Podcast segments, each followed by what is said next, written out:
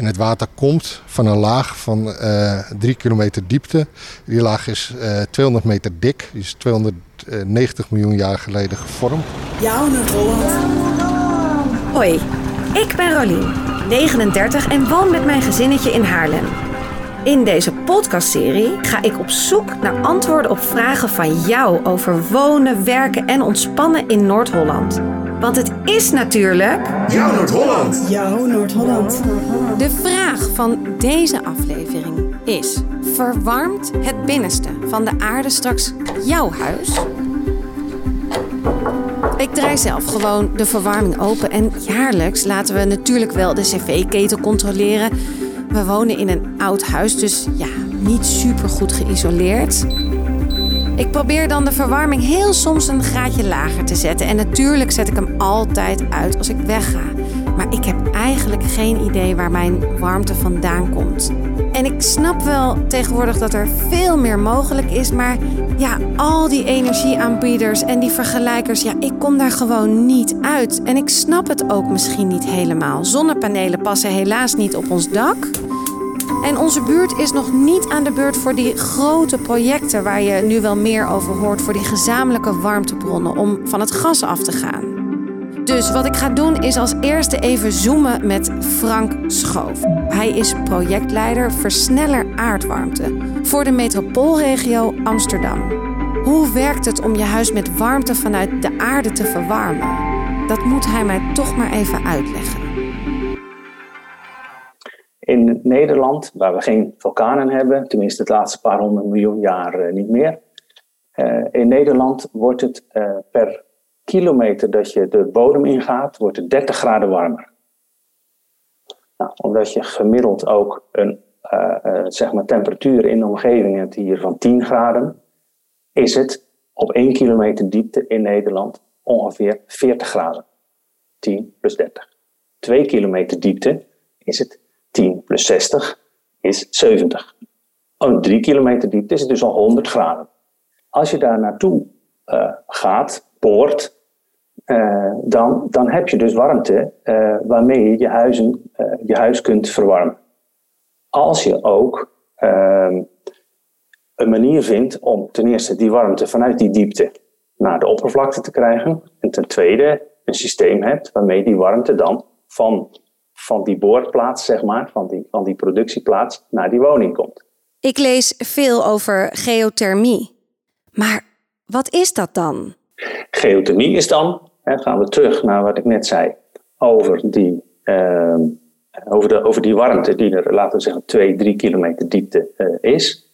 Veel plekken in Nederland zijn die lagen, uh, wel eens, dat is weliswaar steen of, of wat daarop lijkt, maar wel gevuld, zeg maar even gevuld met, met water ook, poreus. En je kunt dus dat, dat water, wat ook die zeg maar 100 of 70 graden is, kun je uh, uh, naar boven pompen. De warmte eruit halen en in, die, in dat stadsverwarmingssysteem stoppen. En dan het water wat je dan, laten we zeggen, overhoudt, het afgekoelde water, kun je dan weer terug in de bodem stoppen, in diezelfde aardlaag als waar het, uh, waar het vandaan kwam. Daar kan het dan weer opwarmen. En uh, kun je het weer opnieuw gebruiken. Ja, en als het dan dus als een stofzuiger wordt het eruit gezogen zeg maar, in ja. die grote, grote bakken bovenop het maaiveld. Mm -hmm. Daar zitten ze dan. En hoe komen ze dan in mijn woning? Uh, ja, dat gaat met, met uh, ja, wat een warmtewisselaar heet.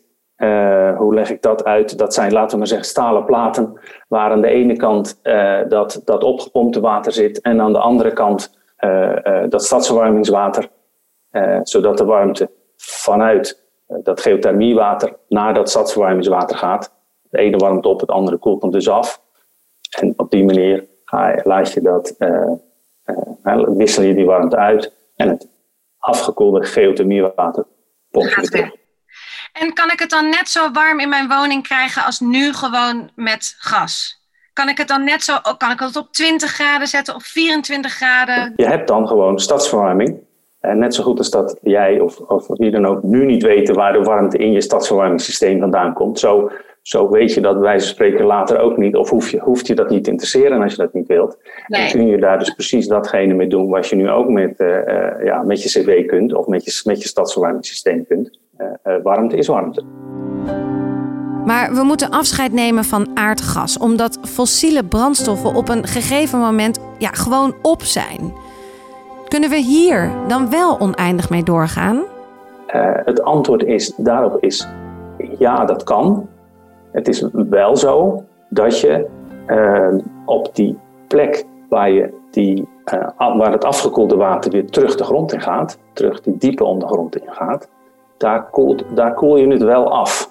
Dus na 30 jaar kan het zo zijn dat de warmte eh, die je oppompt ook een beetje in temperatuur daalt.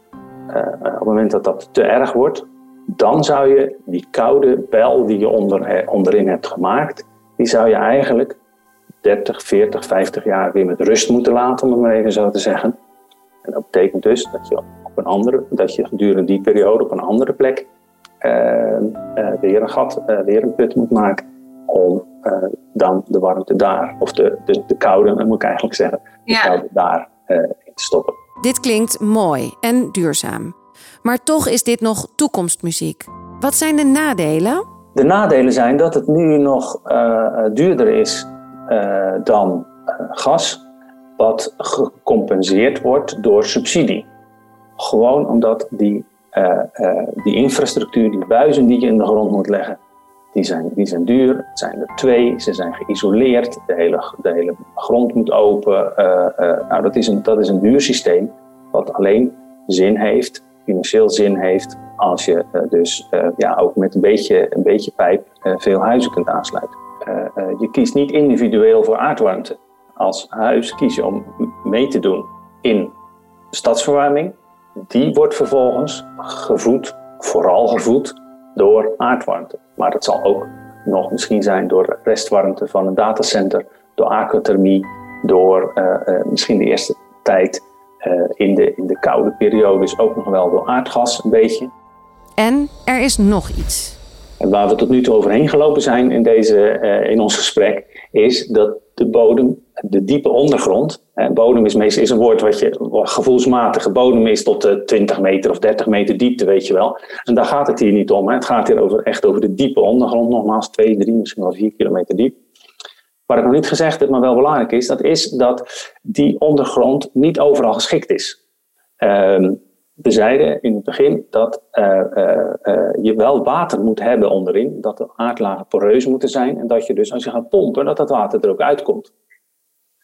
Daar, daar wachten projecten eh, in met name Haarlem en Amsterdam en, enzovoort, die wachten op die resultaten om ehm, dan de, eh, de eerste boringen, nog eerste boringen in dit gebied eh, te gaan doen.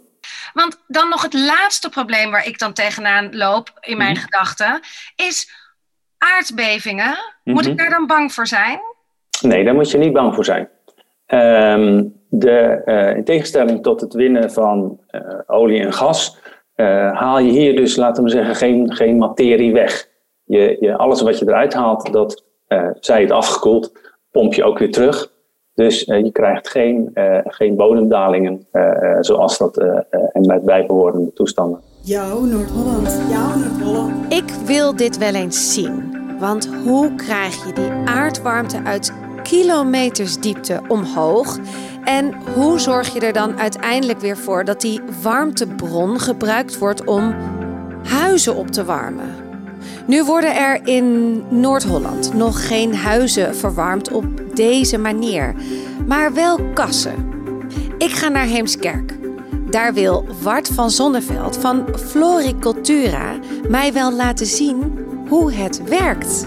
Want ik heb met Wart afgesproken omdat ik heel graag met eigen ogen wil zien hoe groot zo'n machine is en hoe dat klinkt en hoe dat eruit ziet en hoe diep ze dus gaan en hoeveel kassen ze met die aardwarmtes die ze dus eruit pompen. Ja, hier die kassen verwarmen, hoeveel dat er zijn. Nou, ik ben benieuwd. Ik ga hem opzoeken.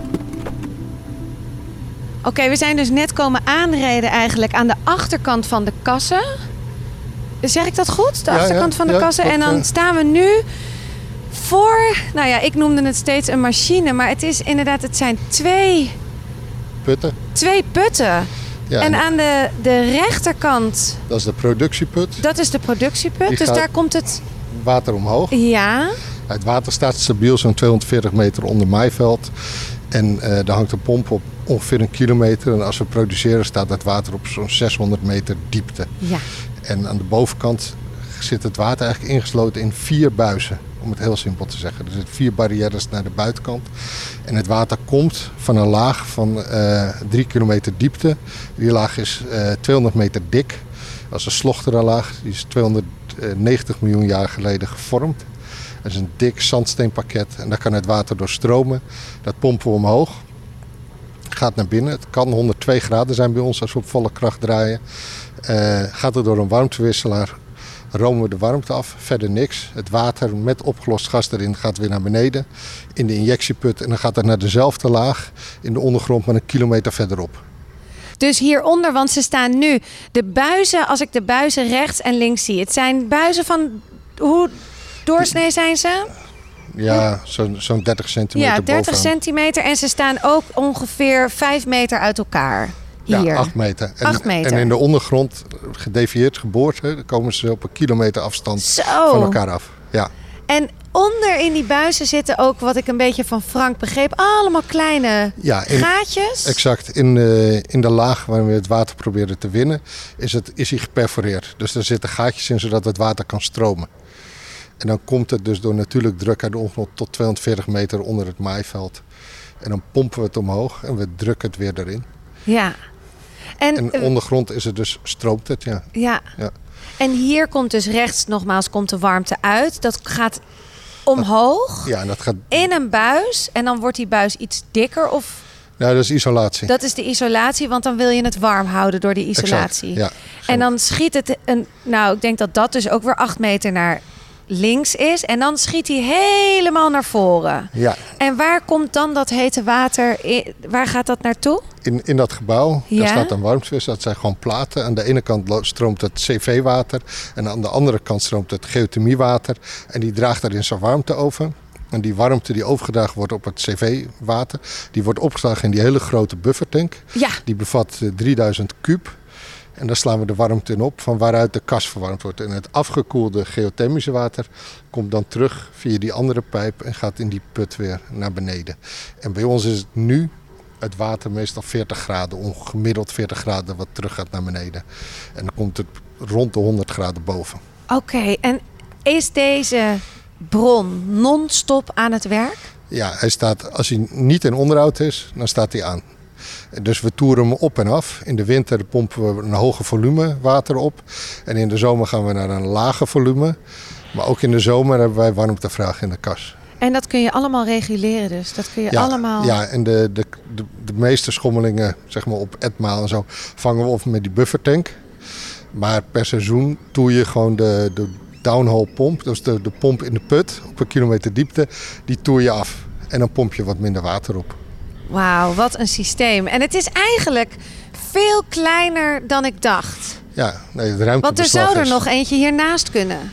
Oh nee, want je moet natuurlijk Bo- wel op boven, de... Op de... bovengronds kan het zeker. Ja. Alleen ondergronds moet je ze dan wel voldoende. Dat kan, maar dat betekent dat je ondergronds een, een lange traject moet boren om wel eh, voldoende afstand te houden. Want je beïnvloedt in de ondergrond. Ja, en en nog even voor mijn beeldvorm. Hè. Die buizen die de grond ingaan, drie kilometer de grond in. Hoe zijn die, lopen die onder mij door? Of gaan die een beetje naar rechts Nou, of naar links? Die, deze loopt eh, de eerste 730 meter recht.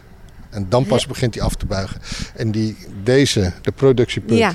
die eindigt daar bij dat gebouwtje wat je daar ziet. oh, dat ronde koepeltje. Ja, dat is toevallig ook een vestiging van ons. Daar eindigt hij. Eh, en deze, die eindigt helemaal daar. eh, ook op dezelfde hoogte, maar dan kilometer verderop daar waar een parkeerplaats is. eh. En waarom, En- is een, waarom hebben, moeten ze ondergrond wel een kilometer van elkaar vandaan staan? om de doorbraaktijd eh, uit te stellen. Dus om te voorkomen dat je koude water bij je warme put komt. Dat is de reden. Dat is de reden. Ik snap het. Wat een systeem. Het klinkt prachtig. De warmte rechtstreeks uit de bodem halen. Maar als dan de hele wijk weer open moet om overal warm water naartoe te transporteren, lijkt me dat een enorme opgave. Maar ja, het kan dus wel. Ik hoop dat dit voldoende antwoord was op de vraag. En tot zover dit eerste seizoen van Jouw Noord-Holland. Ga naar de site www.noord-holland.nl slash podcast voor alle andere afleveringen. Want dan kom je erachter hoe een vos de snelweg oversteekt, waar we kunnen wonen als we allemaal 100 worden, hoe slim verkeerslichten zijn en wie de eerste Noord-Hollander was. En laat daar ook jouw vraag achter. Een vraag over wonen, werken, ontspannen en leven in Noord-Holland. Wellicht ga ik dan in een nieuw seizoen op zoek naar het antwoord op jouw vraag. Volg deze podcast, geef een duimpje en tot snel! Jouw Noord-Holland. Holland.